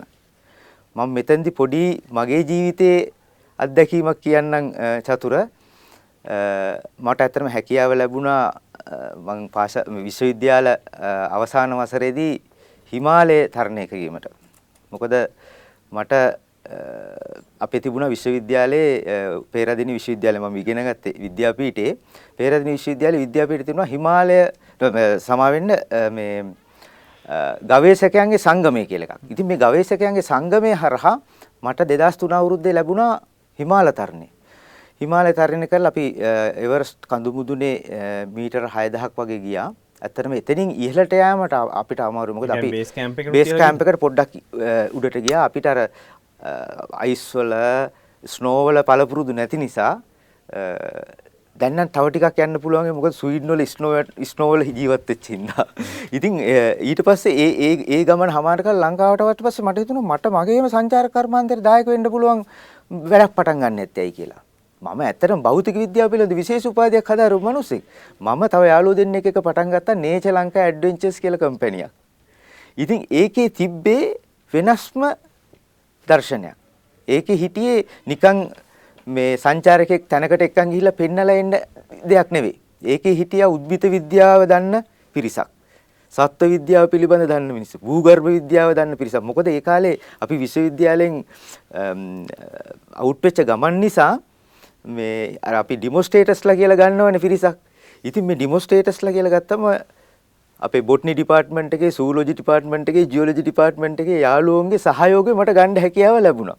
ඉතින් මං අන්තිමට කරේ චතුර මේ ටෙලිෆෝන් එක විතරයි මම පාවිච්චි කරේ. මම ගියෙත් නෑ. මම වෙබ්සයිට් එකක් හැදුවා CD ටිකක් හදලා මම නුවරාවට තියෙන හෝටල් වලට ගියා. ඉතින් ඒක වෙනස් මොඩල් එකේ සංචාරක කර්මාන්තය දිහා දකින්න දෙයක්. ඉතින් ඇත්තටම මං හිතන්නේ අන්න ඒ වගේ දැනට ලංකාවට එන සංචාරකයෝ දිහා අපි බලන්න ඕන වෙනස් විදිහකට. මොකද දැන් සමහර වෙලාවට වැඩ කරන ගමන් සංචාරක කර්මා සංචාරය කරන පිරිසක් තමයි දැන් ලෝකෙ ඉන්නේ. සමහරලාට සතියක් සංචාරය කරනවා, තව සතියක් තමන්ගේ ජොබ් එක කරන ලංකාවේ ඉඳලා. කම්පැනි එකේ සමහරට ඇමරිකන් කාර්යයක් වෙන්න පුළුවන්. ඉංග්‍රීසි පුද්ගලයෙක් වෙන්න පුළුවන්. එයා සතියක් ලංකාවේ වැඩ කරනවා. ආයෙත් සංචාරය යනවා. ඉතින් එතෙන්දී අපි බලන්න ඕන සංචාරක කර්ම දියුණු මෙතෙන්දී ඒගොල්ලොන්ට අවශ්‍ය පහසුකම් වැඩ කරන්න පුළුවන්. වැඩි කරන්නේ කොහොමද? සමහර වෙලාවට Wi-Fi ඕන තැනක් වෙන්න පුළුවන්. ඉතින් අන්න ඒ වගේ දේවල්. මේ ඩිජිටල් නොමෑන්ස්ලට කොහොමද වැඩ? වැඩ කරන්නේ. අන්න ඒ වගේ අලුතින් අපි හිතන්න සංචාරක කර්මාන්තේ දැන් මේකේ තියෙන සමහර වෙලාවට කැමැති නම් උන් එයි කියලා. එහෙම බෑ. අපි ඇත්තට මේක දියුණු කරන්න නම් අපි අලුත් විදිහට හිතන්න ඕන. අලුත් විදිහට හිතලා ඒගොල්ලෝගේ අවශ්‍යතාවයන් මොනවද කියලා බලන්න ඕන. ඉතින් මම හිතන්නේ මේ ඉතින් මේ වගේ දේවල් දැන් ඔය සංචාරය පිළිබඳ අපේ විශ්වවිද්‍යාලයේ තියෙනවා මේ උපාධි පාඨමාලාවක්. ඉතින් ඒ ඒ ඒ ශිෂ්‍යයන්ගේ සහයෝගය ලබා ගන්න පුළුවන්. මේ සංචාරක කර්මාන්තය දිනු කරන්න. ඊට පස්සේ කුසි කර්මාන්තය දිනු කරන්න අපේ කුසි කර්ම පීඨ තියෙනවා. මේ වගේ සහයෝගය ලබා ගන්න පුළුවන්. අපි ඇත්තටම ආහාර විද්‍යාව පිළිබඳ වෙනම පාඨමාලා තියෙනවා. ෆුඩ් සයන්ස් ඩිග්‍රීස් තියෙනවා. ඉතින් මෙන්න මේවා කෙලින්ම කර්මාන්ත ශාලා එක්ක සම්බන්ධ කරගෙන යන විදිහේ දෙයක් තමයි කරන්න ඕනේ. කියන්නේ විශ්වවිද්‍යාල මහාචාර්යවරුන් මහාචාර්යවරයාට පීඨාධිපතිට කුලපතිට ලොකු කාර්යභාරයක් කරන්න පුළුවන් පෞද්ගලික අංශයත් එක්ක තමන්ගේ ඉන්න විශ්වවිද්‍යාල දරුවෝ ටික සම්බන්ධ කරලා. අනිවාර්යයෙන්ම චතුර ඒක තමයි කරන්න ඕන. අපි හදාගන්න ඕන private public partnerships. අපිට අපි ඒක අපි උතන්ඩ යන්න අමාරු නෑ. මොකද ඇත්තටම සමහර දැන් පර්යේෂණ කරනකොට අපිට පුළුවන් විශ්වවිද්‍යාලයෙන් යම්කිසි ප්‍රමාණයක් දාන්න. ඊට පස්සේ කර්මාන්ත ශාලාවෙන් යම්කිසි ප්‍රමාණයක් දාන්න පුළුවන්. හැබැයි ප්‍රශ්නේ විසඳන්නේ මේ කර්මාන්ත ශාලාවට. මම ඕකට කියන්නේ ඒකයි මම ඔය අපේ මගේ ඇත්තටම ලොකු සම්බන්ධයක් තියෙනවා මේ ඉන්ඩස්ට්‍රි එකත් එක්ක. මගේ ඒකත් මම සතුටින් කියන්න ඕනේ. මොකද සාමාන්‍යයෙන් මට වසරකට පුළුවන් ළමයි 25 30කට ජොබ් අරන් දෙන්න. මට කතා කරලා අහනවා ප්‍රොෆෙසර් පිටවල අපිට වේකන්සියක් තියෙනවා හොඳ කොල්ලෙක් කෙල්ලෙක් නැද්ද කියලා අහනවා. ඉතින් මම දැන් ගොඩක් යුනිවර්සිටි එක වෙන විදේශ විශ්වවිද්‍යාල නම් බලාගෙන ඉන්නේ අදාළ ආයතන ඒවට ඉන්වෙස්ට් කරලා තියෙන ඒගොල්ලන්ටනේ පර්යේෂණ අනිවාර්යයෙන්ම දැන් මම මෙතනදී තව කියන්නම් මගේ උදාහරණයක්. මම චාල්මස් විශ්වවිද්‍යාලයේ ස්වීඩන් වල ඉන්නකොට මගේ ගෲප් එකේ හිටිය වොල්වෝ කම්පැනිට ලංකාවේ හොඳම සේෆ්ටි කායක හදන්නේ වොල්වෝ කම්පැනි. වොල්වෝ කම්පැනියේ PhD ස්ටුඩන්ට්ස්ලා. එයා වැඩ කරන්නේ ඉන්ඩස්ට්‍රි එකට. හැබැයි එයාගේ සම්පූර්ණයෙන්ම පඩිය එයාගේ නේවාසික පහසුකම් ඔක්කොම ලබා දෙන්නේ කම්පැනි. මම ඒකයි කියන්නේ ඔය මම ඉන්ඩස්ට්‍රි එකට කියනවා for your needs we have seeds කියලා. ඔය කියපු උපකොළපති පීඨාධිපති අංශපදාරීන් ආචාර්ය මහාචාර්යවරු අපේ සිසුන් seeds ඒගොල්ලෝගේ needs වලට අපිට පුළුවන් උත්තර හොයලා දෙන්න. ඉතින් සම්බන්ධ කරගන්න අපි. ඒක තමයි මම කියන්නේ. මේක මේක රටට කාලීනව අවශ්‍ය වෙන දෙයක් තමයි මේක. මොකද ගොඩාක් වෙලාවට පරිශන කරලා පත්‍රිකා ලියලා ප්‍රොමෝෂන් වලට ලකුණු එකතු කරගන්නට වඩා විශ්වවිද්‍යාල මහාචාර්යවරු ආචාර්යවරු විදිහට අපිට මීට වැඩිය රට ගැන ලොකු වගකීමක් තියෙනවා කියලා තමයි මට හිතෙන්නේ. දැන් ලංකාවේ විශ්වවිද්‍යාල පද්ධතියට ඔය කිව්වට ලෙහෙසි නෑනේ මේ කටයුතුත් එක්ක සම්බන්ධ වෙන්නේ මොකද 41000යි මේ අලුත් ක්‍රමයේ යටතේ ගන්නෙ. එතකොට ලක්ෂ 3ක් ලිව්වොත් 260000ක් මේ එළියේ ඉන්නේ. ඉතින් ඒ දරුවෝ මොනව කරන්නද? එතකොට ඒගොල්ලන් ওই 41000න් ඔබතුමා හදන විද්‍යාර්ථියෝ කීප දෙනෙක් විතරක් හැදුවා කියලා ඕක ප්‍රශ්නේ විසඳෙන්නේ නෑ නේද? සම්පූර්ණයෙන්ම එකයි චතුර. මොකද අපි ගොඩක් වෙලාවට විශ්වවිද්‍යාලයට ඇතුල් වෙන විශ්වවිද්‍යාලයෙන් විභාගයේ සමත් වෙලා ගියපු පිරිසට අමතරව විශ්වවිද්‍යාලයට ඇතුල් වෙන්න නොහැකි පිරිස ගැන බලන්න වෙනවා. මොකද මම ඇත්තට මගේ ළඟ දත්ත වගේක් තියෙනවා මම පෙන්නන්නම් කොච්චර සංකීර්ණද විශ්වවිද්‍යාල වලට ඇතුල් වෙන එක කියන එක. මේ දත්ත තියෙන්නේ ඇත්තටම මෑත කාලේ අවුරුදු 3ක විතර දත්ත. ඒ කියන්නේ උසස් පෙළ 2018 19 2019 20 2020 2012 කියන වසරවල විභාගවලට වාඩි වෙච්ච දත්ත තමයි තියෙන උසස් පෙළ. මේකේ ඇතර මෙතන බලන්න මෙතන තියෙනවා පාට වර්ග දෙකක්. රතු පාටයි නිල් පාටයි. එතකොට මේ රතු පාට සහ නිල් පාට පාට දෙකේම එකතුව තමයි උසස් පෙළ සුදුසුකම් ලබාගත් පිරිස. එතකොට ඒ පිරිස අතරින් නිල් පාටින් දක්වලා තියෙන්නේ විශ්වවිද්‍යාලවලට ඇතුල් වෙච්ච පිරිස. විභාගේ පාස් වුණාට විශ්වවිද්‍යාලවලට ඇතුල් වෙච්ච. එලිජිබල් සිසුන් තමයි නිල් පාටේ. not eligible. විභාගයේ සමත් විශ්වවිද්‍යාලය ඇතුළට යන්න බැරි වෙච්ච කට්ටිය තමයි රතු පාටෙන් පෙන්නේ. ඉතින් මේක එක එක විෂයධාරා අනුව බැලුවම වර්ෂ වලින් වෙනම තියෙනවා. විෂයධාරා අනුව කලා, වාණිජ, ජීව විද්‍යා, භෞතික විද්‍යාව, අලුතින් ආපු ටෙක්නොලොජි මේ විදිහට අපිට වර්ග කරගෙන යනකොට උසස් පෙළ විෂය ධාරාවන් අනුව බලන්න කලා විෂය මම ඉස්සෙල්ලා උදාහරණයක් ගන්නම් කලා විෂයෙන් විශ්වවිද්‍යාල වරම් ලබාගෙන තියෙනවා විශ්වවිද්‍යාල කියන්නේ උසස් පෙළ සමත් වෙලා තියෙනවා 80000කට අධික පිරිසක් මේ 2020 21 අවුරුද්දේ හැබැයි ඇතුල් වෙලා තියෙන ළමයි 12000ක් වගේ. බලන්න මෙන්න මේක තමයි ඇත්ත කතාව අපේ. මේ විදිහට අනිත් විශේෂධාරාන් මට කතා කරන්න පුළුවන් වාණිජ ගත්තත් අපිට සතුටු වෙන්න බෑ.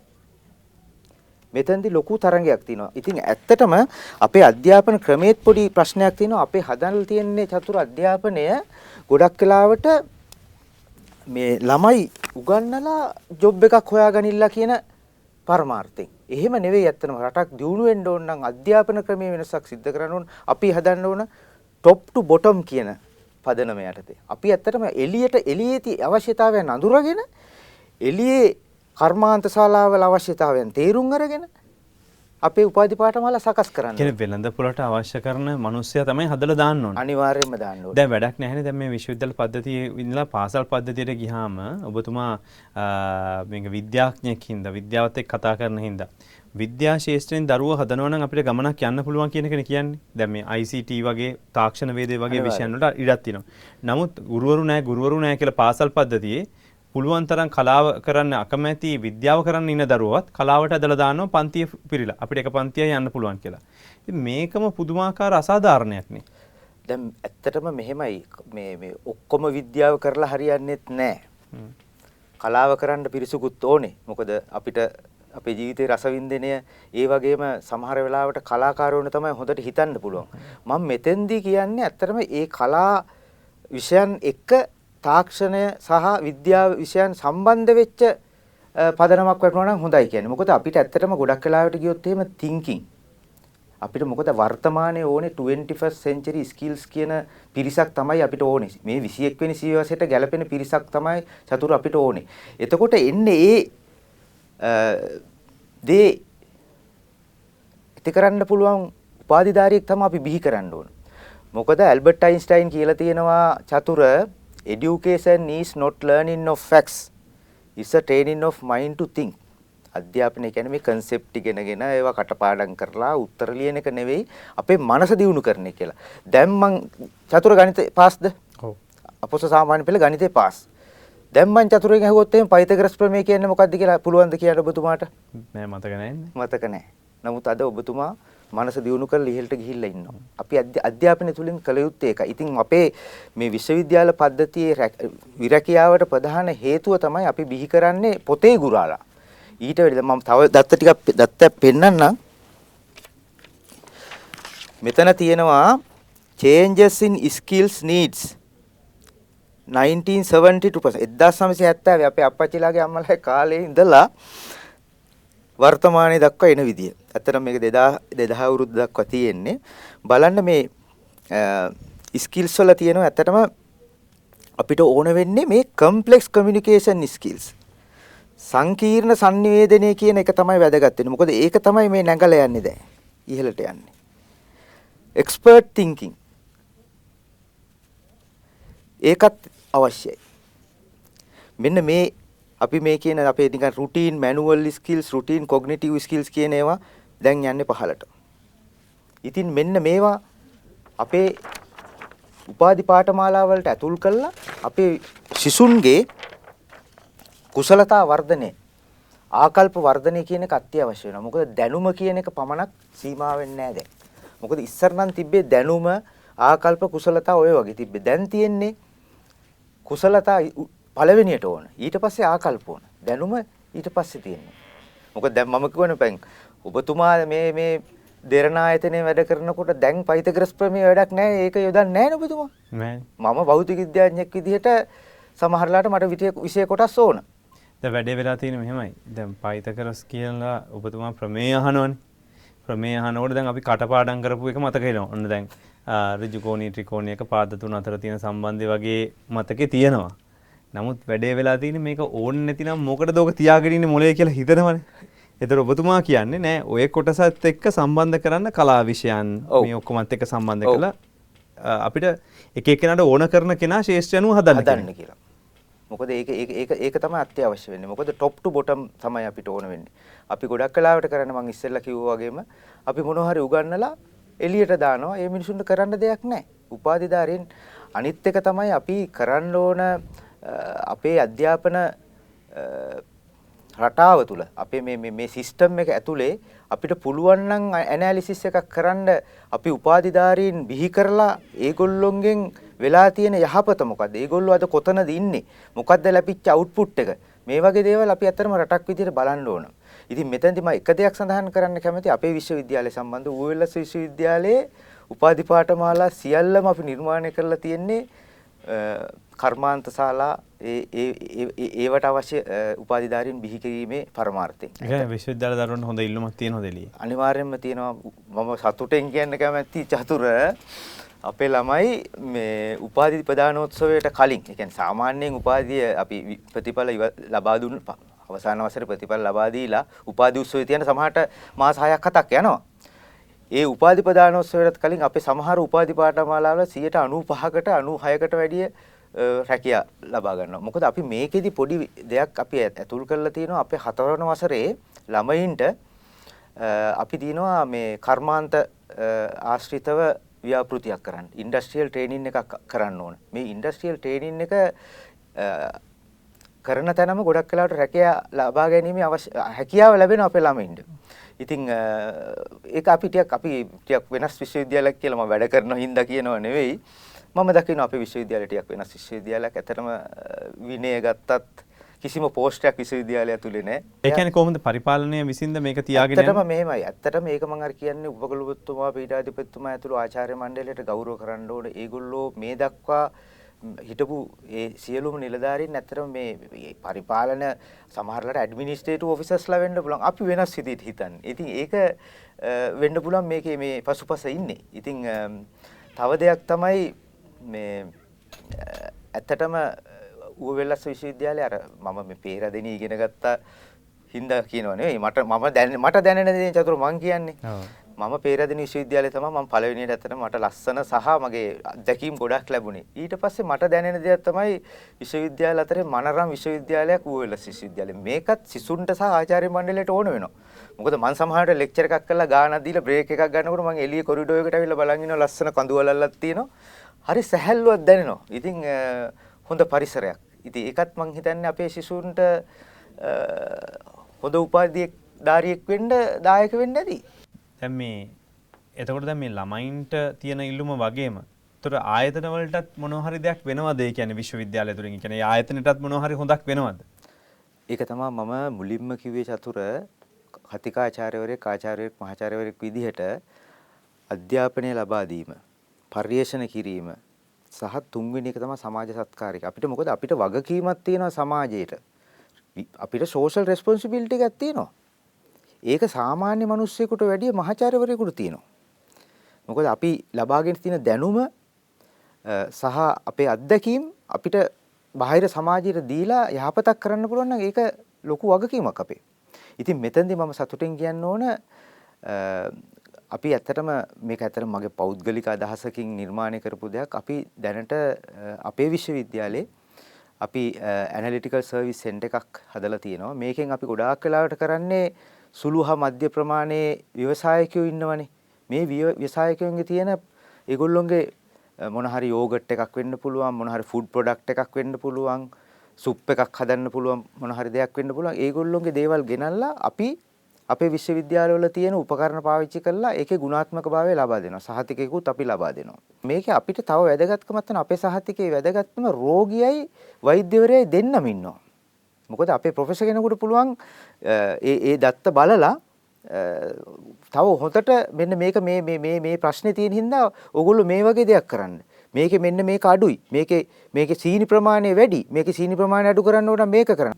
මේකේ අර මම මම කිව්වේ අර මේ වෛද්‍යවරයයි ලෙඩයි දෙන්නම විශ්වවිද්‍යාලේ ඉන්නවා කියලා මම ඒකට ඇත්තටම මේ හරි ලස්සන වචනයක් පාවිච්චි කරනවා. මේ අපි අපි දන්නේ ගොඩක් වෙලාවට චතුර මෙඩිකල් ක්ලිනික් නේ. ඒ වුණාට මම මේකට කියන්නේ බිස්නස් ක්ලිනික් කියලා. ඒ ඒ ඒ කර්මාන්තවල තියෙන ලෙඩවලට අපිට පුළුවන් උත්තර ලබා දෙන්න. ඉතින් ඒක මං හිතන්නේ ලොකු දෙයක්. මොකද ගොඩාක් කලාවට බදුල්ල ප්‍රදේශයේ තියෙන ව්‍යාපාරිකයොන්ට ඒ දුර බැහැර යෑමේ අපහසුතාවයට අපිට ගොඩාක් දේවල් සරලව ගන්න මිනිස්සෙක් වතුර බඩල් කුඹුරේ ලිඳක් කාරනවා. මේකේ වතුර ටික බොන්න සුදුසුද නැද්ද?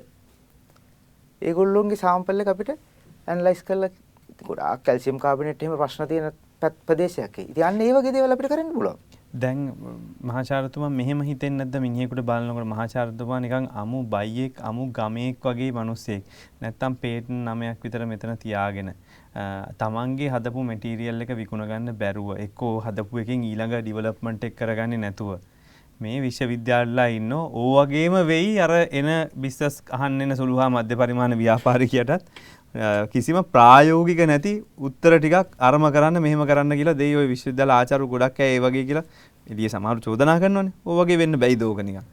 චතුර මෙහෙමයි. මං අර අර වචනෙට හරි ආදරේ ඔයා ඔයා පළවෙනි වතාවට ඕක මට ඉදිරිපත් කරේ. අමු ගමේ ගමේ ගමේ ගමේ ගමේ ගැමියෙක් ඒ ඒ ඒකට ඒකට මං හරි ආසයි. මොකද මේ අද මම මේ ඉන්න තැන මේ මේ ශක්තිය මට ලැබි ලැබුණේ ඒ ගැමිකම නිසා. මම නිකන් උදාහරණයක් කියන්නම්. මම නිවස ඉදි කරගෙන යනකොට බාසුන් නැහැ එන්න බැරුව කිව්වොත් ෆවුන්ඩේෂන් එක කපා ගන්න විදිහක් නැහැ ගෝලයා නැහැ කියලා මම බාසුන් නැහැට කියනවා ඔයා වැඩට එන්න අපි දෙන්න ෆවුන්ඩේෂන් එක කපමු එකට කියලා.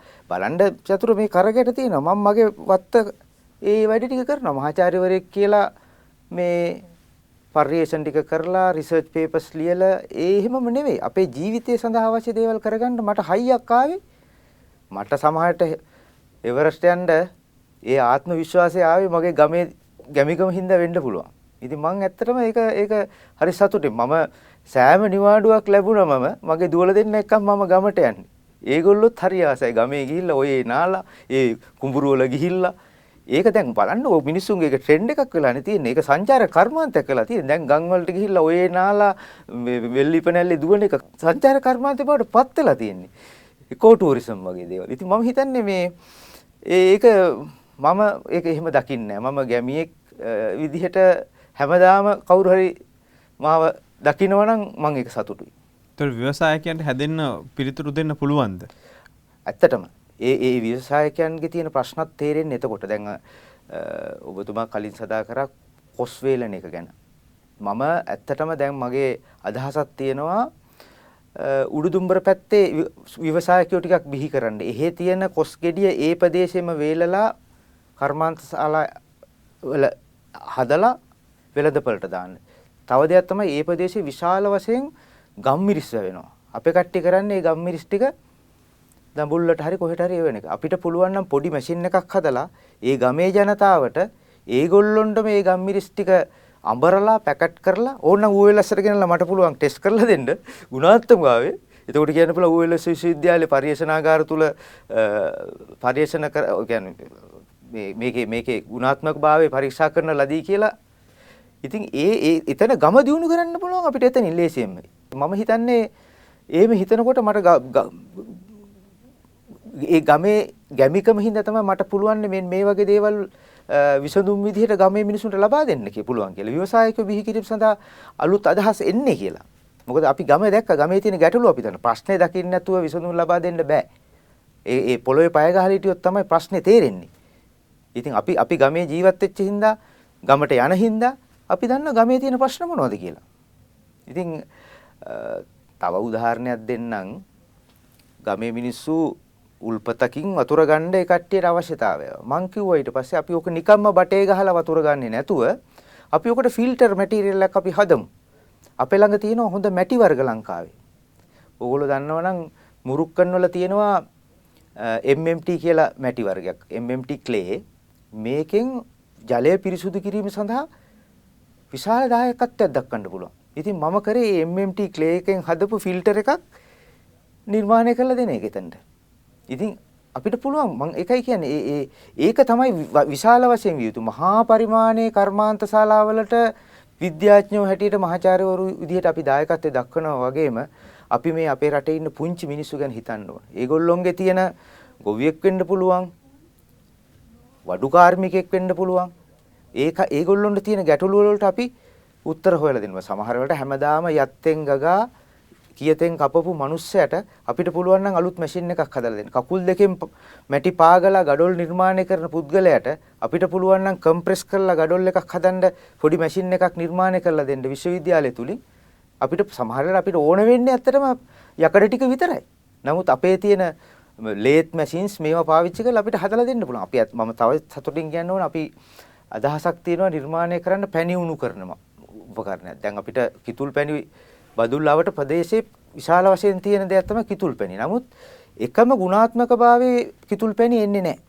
ඉතින් මම අදහසක් තියෙනවා මේ අපිට පුළුවන් නම් කිතුල් පැණි උණු කරන්න පුළුවන් මැෂින් එකක් හදන්න අපිට එකම ගුණාත්මකභාවයේ තියෙන තමයි පැණි තමයි එන්නේ.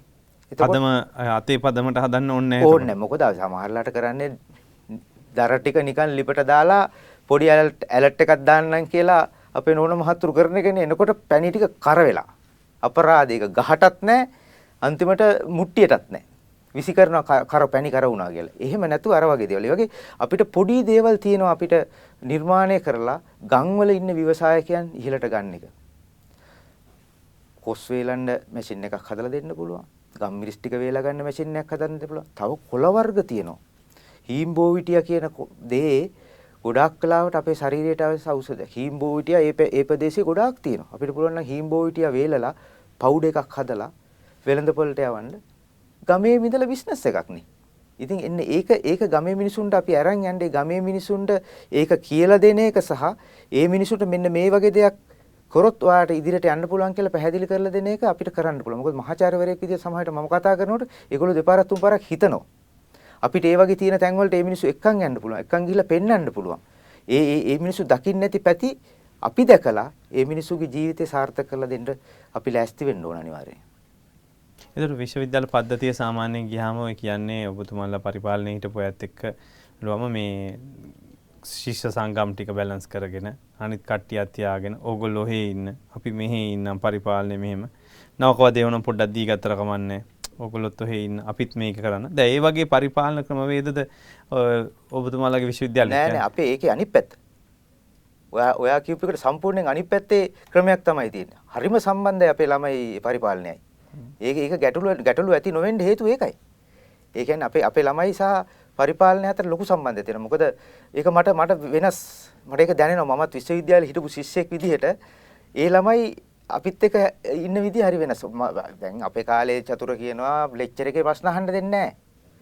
ඒ වුණාට දැන් මොකද්ද කියන්නේ ස්ටුඩන්ට් සෙන්ටර්ඩ් ලර්නින් කියන්නේ ළමයින්ට කතා කරන්න ඉඩ දෙන්න ඕන.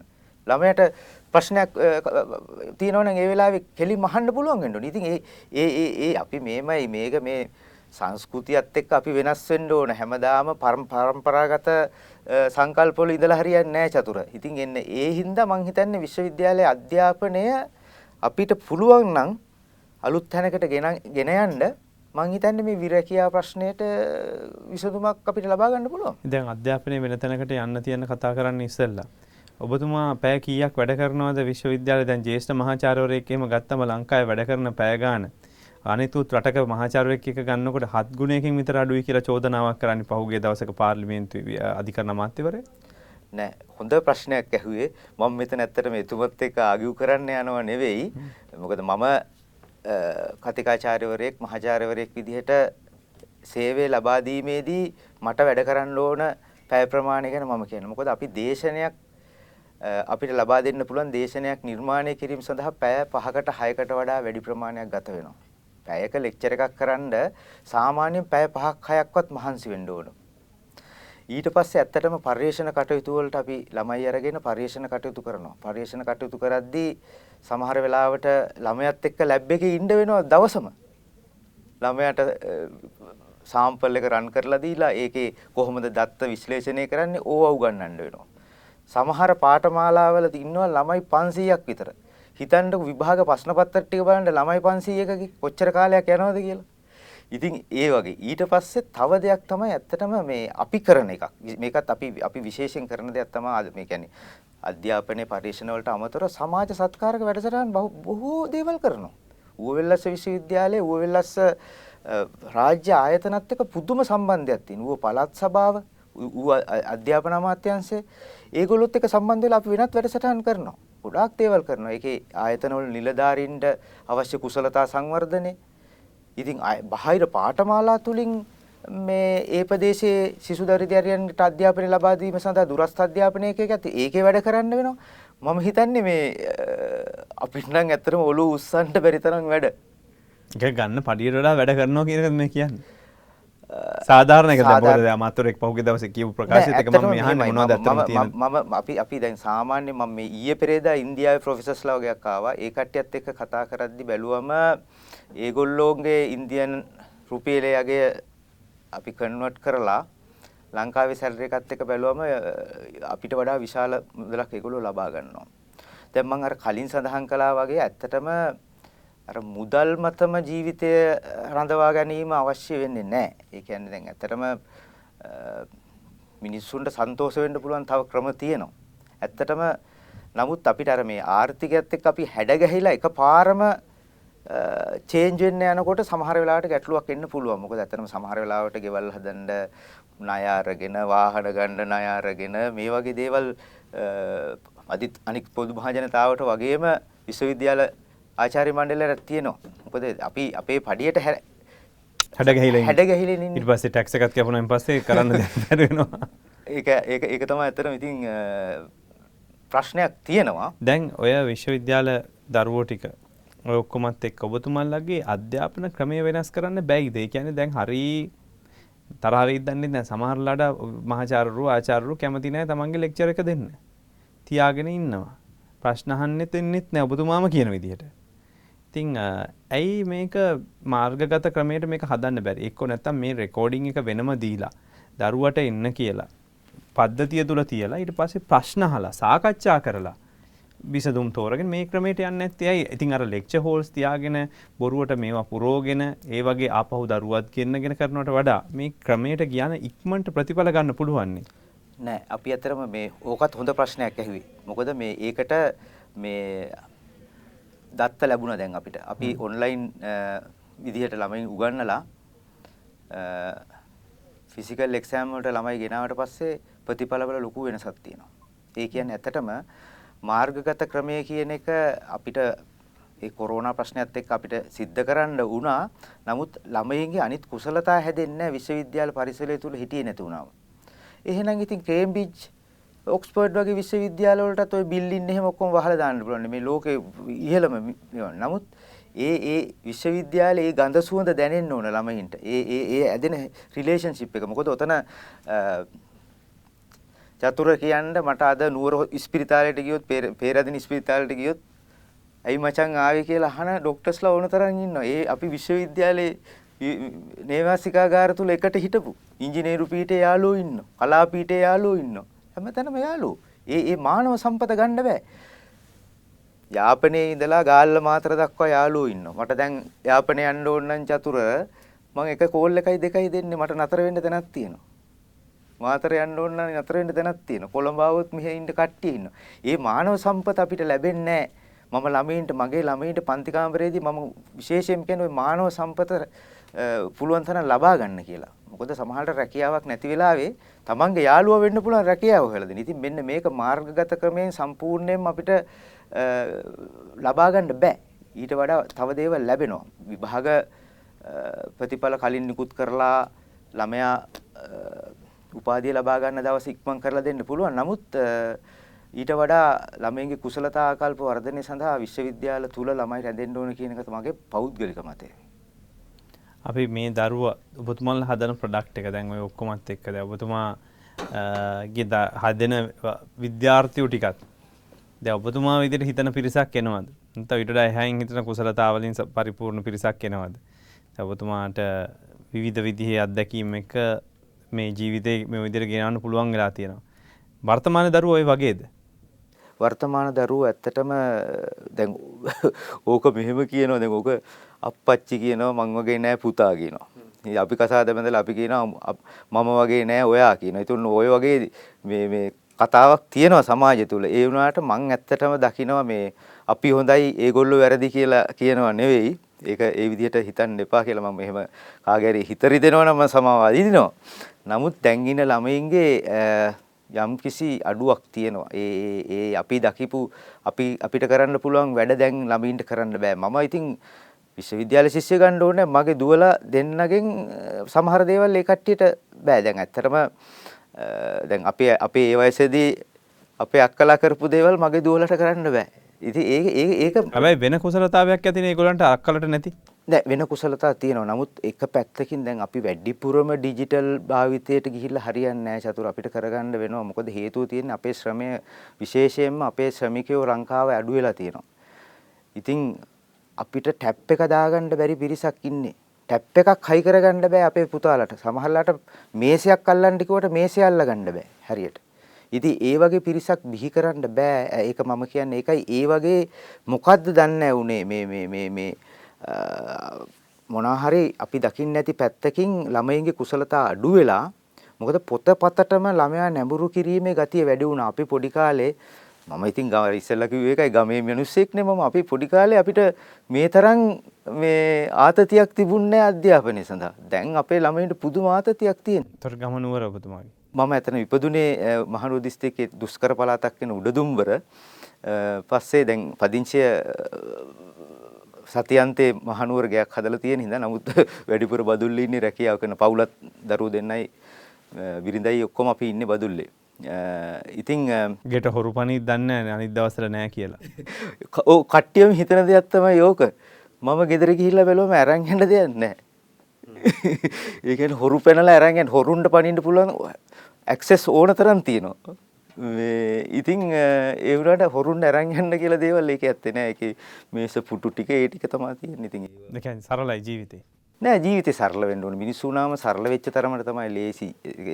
මොකද අපි අපි චතුර පොළොවේ පය ගහලා ඉන්න ඕන පොළොවේ පය ගහලා හිටියොත් අපිට හැම එක්කෙනත් එක්කම ජීවත් වෙන්න පුළුවන්. මිනිස්සුනේ මිනිස්සයා කියන්නේ මේ අපි මේ තනතුරු වලින් මුල මුදල් වලින් වෙන් වෙන්න ඕන පිරිසක් නෙවෙයි. අපි අපි එකා වගේ ඉන්න ඕනේ. එතන ඒක රටට අවශ්‍ය දෙයක්. දැන් ඔබතුමා ව්‍යවහාරික විද්‍යාපීඨයේ හිටපු පීඨාධිපති. එතකොට ළමයි එක්කත් ඔය විදිහට සරලයෙන් ඉඳලා ඉවර වෙලා හිනහ වෙලා කතා කරගෙන ඔහොමද ඉන්නේ නැත්නම් ඔයිට වඩා වෙනස් විදිහකට පොඩ්ඩක් සැරපරුස විදිහට ඉන්නවද? කය කලමනාකරණයක් කරගන්න පුළුවන්ද ඔහොම ඉඳ හිටියොත්? නෑ මම මම කියනවා මම මම මම යාළුවෙක්. මම කියනවා ළමයින්ට මම හොඳ යාළුවෙක් ඕගොල්ලන්ට හැබැයි වැරද්දක් කරපු වෙලාවට මම තරහ ගිය වෙලාවට මම ඒ ඒ ඇක්ෂන් එක ගන්නවා. ඒක එහෙම වෙන්න ඕන. දැන් ඒක එහෙම නැත්තම් මම මට පන්ති පන්ති කාමරය තුල මම සමහර වෙලාවට මම ස්ට්‍රික් මම මේ මේ යාළුවෙක් විදිහට හැසිරෙනවා කියලා ওই විදිහට ඉන්න බෑ. ප්‍රශ්නයක් දුන්නට පස්සේ සාකච්ඡා කරන්න ගෝසාවක් ඒ පන්ති කාමරේ කමක් නැහැ. විශේෂ සම්බන්ධ දෙයකට සාකච්ඡා කරන්න ළමයි. හැබැයි මගේ දේශනයක් යන තුර අනවශ්‍ය දෙයක් කරොත් මම ටිකක් සැර වෙනවා. මම හොඳට හොඳයි නරක නරකයි කියලා මම ළමයින්ට කියනවා. ඒක ළමයි දන්නවා. ඔබතුමා භෞතික විද්‍යාවත් එක්ක සෙල්ලම් කරන විද්‍යාඥයෙක් විදිහට මේක අහන්නේ. අපේ රටේ මිනිසුන්ගේ ඒ කියන්නේ සයන්ස් දැනුම විද්‍යාත්මක විද්‍යා දැනුම භෞතික විද්‍යාව සම්බන්ධයෙන් දැනුම හොඳ මට්ටමක තියනවාද? ඒ කියන්නේ ඉතිහාසයේ හොඳට තිබ්බද? දැන් හොඳ මට්ටමක තියනවාද? ටිකක් හිතන්න පුළුවන්කම කලාපේ රටවල් එක්ක බලනකොට ටිකක් වැඩිද? මොකද හිතෙන්නේ? මං හිතන්නේ අද දවසේ වැදගත්ම ප්‍රශ්නේ මේක කියලා චතුර අහපු. මොකද අර මම කිව්වනේ භෞතික සම්පත් වලින් සපිරුණු රටක් ඉන්දියන් සාගරයේ මුතු වැටේ කියන රට ඇත්තටම හොඳ ඉතිහාසයක් තිබ්බ රටක්. මම හිතන්නේ නව නිෂ්පාදන නව නිපැයුම් දහස් ගාණක් අපේ ඉතිහාසයේ සිද්ධ වුණා. ඒ හින්දා තමයි අද අපි මේ ජීවතුන් අතර ඉන්නේ. ඒ කාලේ මිනිස්සු ගස් වලින් වැටෙන්න නැතුව ඇද්ද? අලියෝ ගහන්න නැතුව ඇද්ද? සර්පයෝ කන්න නැතුව ඇද්ද? ඒ මුණා නම් අපේ මිනිස්සු ඔක්කොම වෙනසිලා යන්න එපා. නෑ. අපිට තිබ්බ අපේම ආවේනික වෙත්ත විද්‍යාත්මක ක්‍රම ලෙට රෝග වලින් බේරෙන්න අපිට විද්‍යාත්මක ක්‍රම තිබ්බා. ඒ වගේම දැන් මම එකක් කියන්නම් බලන්නකෝ සිංහල බෙහෙත් කසායක් ගත්තම ඒ කසායේ තියෙනවා වර්ග 10ක් 12ක්. ඇත්තටම මේක බිව්වට විස වෙන්නේ මේවා එකිනෙකට සම්බන්ධ වෙලා තියෙන්නේ කොහොමද? අපිට බය හිතෙනවනේ දැන් අපිට පුළුවන් දැන් චතුර මට පුළුවන් තියෙන ගස් කොළන් වලින් කොළ ටිකක් අරන් ඇවිල්ලා මොකක් හරි හදලා බොන්න බයයිනේ අපි. නමුත් ඒ ඒ කසාය වර්ග තුල බලන්න කොච්චර ආරක්ෂාවක් තියනවද? අපිට ඒක බය නැහැ බොන්න. මම අහලා තියෙන කතාවක් තමයි ඉස්සර සර්පයෝ දෂ්ට කරාම අපේ ඇතරම මොළයට තමයි හානි වෙන්නේ. අපේ ස්නායු පද්ධතියට තමයි මූලිකව හානි වෙන්නේ. මම අහලා තියෙනවා පොල් කටු අඟුරු මැටි භාජනයක තියලා රත් කරලා මේ හිස පළලා මොකද මේ හිස් කබල කියන්නේ සෙරමික් එකක්. සෙරමික් මැටීරියල් එකක්. ඉතින් මේ සෙරමික් මැටීරියල් එක රත් කරලා අපිට පුළුවන් මේවා කරන්න ඒ වගේම ආය ප්‍රසාරණ ඒ වගේම ආය ඒක අපිට පාස්සන්නත් පුළුවන්. අපේ සිංහල වෛද්‍යකම අතක් කැඩුනට පස්සේ අත පාස්සන්නේ. වෙන් වෙලා තියෙන එක. බෙහෙත් බැඳලා. ඉතින් ඒ හින්දා මේ සර්පයෝ කෑවත් ඒවට අවශ්‍ය ක්‍රම තිබිලා තියෙනවා. ඒ වෛද්‍ය විද්‍යාව වෙන්න පුළුවන්. තව හිතන්න ගුව නිර්මාණ ශිල්පේ බලන්න රුවන්වැලි සෑය විශාල ඉදිකිරීමක්. කොහේවත් පැත්තකට ඇද වෙලා මුකුත් නැහැ. ඒ කාලේ හිටියද අති විශේෂ ඉංජිනේරුවරු හිටියේ නැහැ. අති දක්ෂ මිනින්දෝරුවරු හිටියේ නැහැ. ඉතින් ඒ උපකරණ තිබ්බේ නැහැ. උපකරණ තිබුණේ නැහැ. කොහොමද මේ නිර්මාණය කරලා තියෙන්නේ? එතකොට විද්‍යාත්මක බුබුලාගාර හැඩය කොහොමද මතු කරන්නේ? අනිවාර්යයෙන්ම. තව දෙයක් තියෙනවා ඒ කාලේ හිතලා තියෙනවා දැන් මේ වගේ විශාල ඉදිකිරීමක් කරාම අකුණු වදින්න පුළුවන් කියලා. මං අහලා තියෙන දෙයක් අකුණු සන්නායක තියෙනවලු රුවන්වැලි සාය මැද ලොකු විශාල තඹ තහඩු දාලා අකුණක් වැදුනොත් ඒක පොළොවට උරා ගන්න විදිහේ චින්තනයක් ඒ කාලේ ඒ මිනිසුන්ට තිබිලා තියෙනවා. සීගිරිය ගැනම හිතන්න සීගිරිය උඩට වතුර ගත්තේ කොහොමද චතුර? ඉතින් අපේ ළඟ තිබිලා තියෙන දැනුම ඒ වගේ මුතුන් මිත්තෝ පිරිසක් තමයි අපිට ඉඳලා තියෙන්නේ. සීගිරියේ චිත්‍ර ටික ගත්තත් තාම ඒ ඒ ඒ ඒ වර්ණයන් ගිහිල්ලා නැහැ මේ අවුරුදු ගානට. එතකොට ඒ පාට හදන්න ගත්ත අමුද්‍රව්‍ය වල ස්වභාවය කොහොමද? ඉතින් මම හිතන්නේ ලෝකය හොල්ලන්න පුළුවන් ඉතිහාසයක් තිබ්බ මේ පුංචි රට මං හිතන්නේ අපිට මේ ගොඩ දාන්න අමාරු වෙන්නේ නැහැ. ඊළඟ දේ තමයි අපි ওই අවි ආයුධ හදන්න යපස් පොළවෙන් අරගෙන ඒ මේ උපකරණ නිර්මාණය කරලා තිනවා කියන්නේ යපස් උණු කරන්න පුළුවන් තාක්ෂණය අපේ ළඟ තිබිලා තිනවා. ඉතින් ওই වගේ ගත්තොත් ශේස්ත්‍ර ගණනාවක් තියෙනවා. ලියවිලා නැති නමුත් පාරම්පරිකව යොදාගත්ත විද්‍යාත්මක ක්‍රම වර්තමානයේ දරුවන්ගෙත් ඒ හැකියාවන් තියෙනවා කියලාද කියන්නේ? ලංකා වර්තමාන දරුවන්ගේ අඩු වෙලා තියෙනවා. දැන් අපි ගත්තොත් ගමක ඒ දවස්වල හිටිය වෙද මහත්තයාගේ පුතා අද වෙදකම් කරන්න කැමති නැහැ. ඒක අඩුවක් විදිහට දකින්නේ. ඉතින් හැම වෙලේම ගමේ ගහෙන් වැටුනොත් ඉස්සර කරේ ගමේ වෙද මහත්තයා තමයි වෙද බෙහෙත් ටික කරේ. ඉතින් නමුත් රටේ තියෙන දැනට තියෙන තත්ත්වය අනුව සමහරට ඒ පුතා කැමති ත්‍රිවිල් එකක් අරගෙන හන්දියට වෙලා ඉන්න. නමුත් ඒක පින්සිද්ද වෙන රැකියාවක් තමයි ඒ පියා කරේ. ඒ වගේම තමයි අනිත් එක තමයි අපේ මේ මේ කුසිකර්මාන්තය ගත්තත් දැන් පිට රටවල් වල ගොවියා සහ මහාචාර්යවරයා අතර ලොකු වෙනසක් නැහැ චතුර. මම මේ හැම දෙයක්ම කියන්නේ මගේ අත්දැකීම් වලින්. ඉතින් ඒ දැන් අපේ ලංකාවේ දැන් අපිට ලැජ්ජයිනේ ගොවිතැන කියලා කියන්නේ. ළමයා ඉපදුනාම පියාගේ රැකියාව, මවගේ රැකියාව කියන ඒවා ගොවිතැන කියලා ලියන්න අපි ලැජ්ජයි. ඒ වුණාට අපිට අත්‍යවශ්‍යම දේ තමයි ආහාර. ඉතින් ආහාර නිෂ්පාදනය කරන පිරිස අඩු වෙනවා ඒ වගේ. ඒ ආකල්ප වෙනස් කරන්න ඕන මිනිස්සුන්ගේ. අන්න ඒකයි රටක දියුණුව සඳහා අත්‍යවශ්‍ය වෙන්නේ. ඉතින් අද දවසේ මේ සාකච්ඡාව ඔබට ටිකක් වෙනස් මානයක සාකච්ඡාවක්. මොකද විශ්වවිද්‍යාල ආචාර්යවරුන් 600කට වැඩි පිරිසක් රටින් පිට වෙලා ගිහිල්ලා තිබෙනවා කියලා සඳහන් කරනවා. තමන්ගේ ජීවිත සුඛිත මුදිත කරගන්නට. ඒ වගේම බොහෝ දෙනෙක් ආවේ නෑ රටෙන් ඉගෙනගෙන රටට හරි දෙයක් කරේ නෑ අසාධාරණයි. රටේ දරුවන් අමතක කරලා ගියා කියලා චෝදනාවක් තියෙනවා. ඉතින් එහෙම වෙලාවක විශ්වවිද්‍යාල අධ්‍යාපනය තමන් රටේ ලබලා ගමෙන් ඇවිල්ලා ගැමියෙක් විදිහට ඉන් පස්සේ හිමාලය තරණය කරලා ඒකෙන් පන්නරයක් අරගෙන ඒතනින් පස්සේ ස්වීඩනයට ගිහිල්ලා එහි අධ්‍යාපනය ලැබලා ඊට පස්සේ ඒත් එක්කම ටෙස්ලා වගේ ආයතනයක රාජකාරී කරන්න හමු වෙලා ඒකත් එක්ක පර්යේෂණ කළා පස්සේ දරු පවුල අරගෙන ආපහු මෙහෙට ඇවිල්ලා කොළඹ ඉන්නෙත් නැතුව ඊට පස්සේ දරුවොත් අරගෙන බදුල්ලට ගිහිල්ලා පේටන් බලපත්‍ර නමයක් තියාගෙන ලංකාවේ විශ්වවිද්‍යාල පද්ධතියේ දරුවන්ට දැනුම දෙන එක හොඳයි ඒක තමයි මගේ සතුට කියලා හිතන අයත් ලංකාවේ ඉන්නවා. ඉතින් හැමෝම හිතන්නේ එක විදිහට නෙමෙයි. සතුට කියන්නේ වෙන මානයක තියෙන දෙයක් කියන එක තමයි මේකෙන් තේරුම් ගන්න පුළුවන් කතාව. ඔබත් හිතනවා ඇති මමත් එහෙම කෙනෙක් නේද? මමත් මෙහෙම හිතනවානේ කියලා ඉතින් එහෙම ඉන්න ඉති රට යන්න ඕන්න ලංකාව දාලා යන්න ඕන්නෑ හැමෝටම. ලංකාව ඉඳගෙන ගොඩක් දෙවල් කරන්න පුළුවන් කියනකට උදාහරණයක්. ජීවමාන සාධකයක් තමයි විවාහරික විද්‍යාපීටේ හිටපු පීටාධිපත්තුමා ඌව වෙල්ලස්ස විශ්වවිද්‍යාලේ වර්තමාන පර්යේෂණ කමිටුවේ සභාපතිතුමා ඒ මහාචාරය ජගත් පිටවල මහත්මය බොම ස්තුති ඔහොම හිතනවට රටේ ඉන්නවට. මම ස්තුතිවන්න ඕන චතුරට මොකද මම මේ වැඩසටහනට සම්බන්ධ වෙලා මගෙන් සමාජයට පණිවිඩයක් ගියා කියලා මට හිතෙනවා.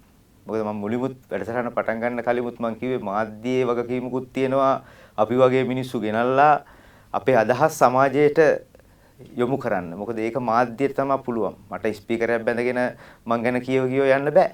අනිවාර්යයෙන්ම. අපි ඇවිල්ලා අහන්න ඕන. ඇහුවොත් කතාව කියන්න පුළුවන්. කතාව කියන්න පුළුවන්. ඉතින් එතෙන්දි මං හිතන්නේ වැදගත් මෙහෙවරක් අද දිනේ චතුර ඉෂ්ට කරේ මම ඒකට ස්තුතිවන්ත වෙනවා. ඒ වගේම දෙරණ මාධ්‍ය ජාලාවටත් මම ස්තුතිවන්ත වෙන්න ඕන මේ අවස්ථාව මට ලබා දීම සම්බන්ධ. අනිවාර්යයෙන්ම අපි විශ්වාස කරන ඔබතුමාට ওই විශ්වවිද්‍යාල ඔය හදපු කමිටු වගේ තවත් දේවල් හදන්න විශ්වවිද්‍යාලයේ දියුණුවට ගෙනියන්න අනිත් ආචාර්යවරුන් සමග කටයුතු කරන්න පුළුවන් වේවි කියලා කරලා බලාපොරොත්තු වෙන එහෙම දෙයක් කරන්න අනාගතයේ හැකියාව ලැබෙවි කියලා. මොකද දරුවෝ වෙනුවෙන්, රට වෙනුවෙන්, රටේ අනාගත වෙනුවෙන්. මනම් බොහොම ස්තුතියි එකතු වුණාට. ආයිබෝන්. ආයිබෝන් සර්.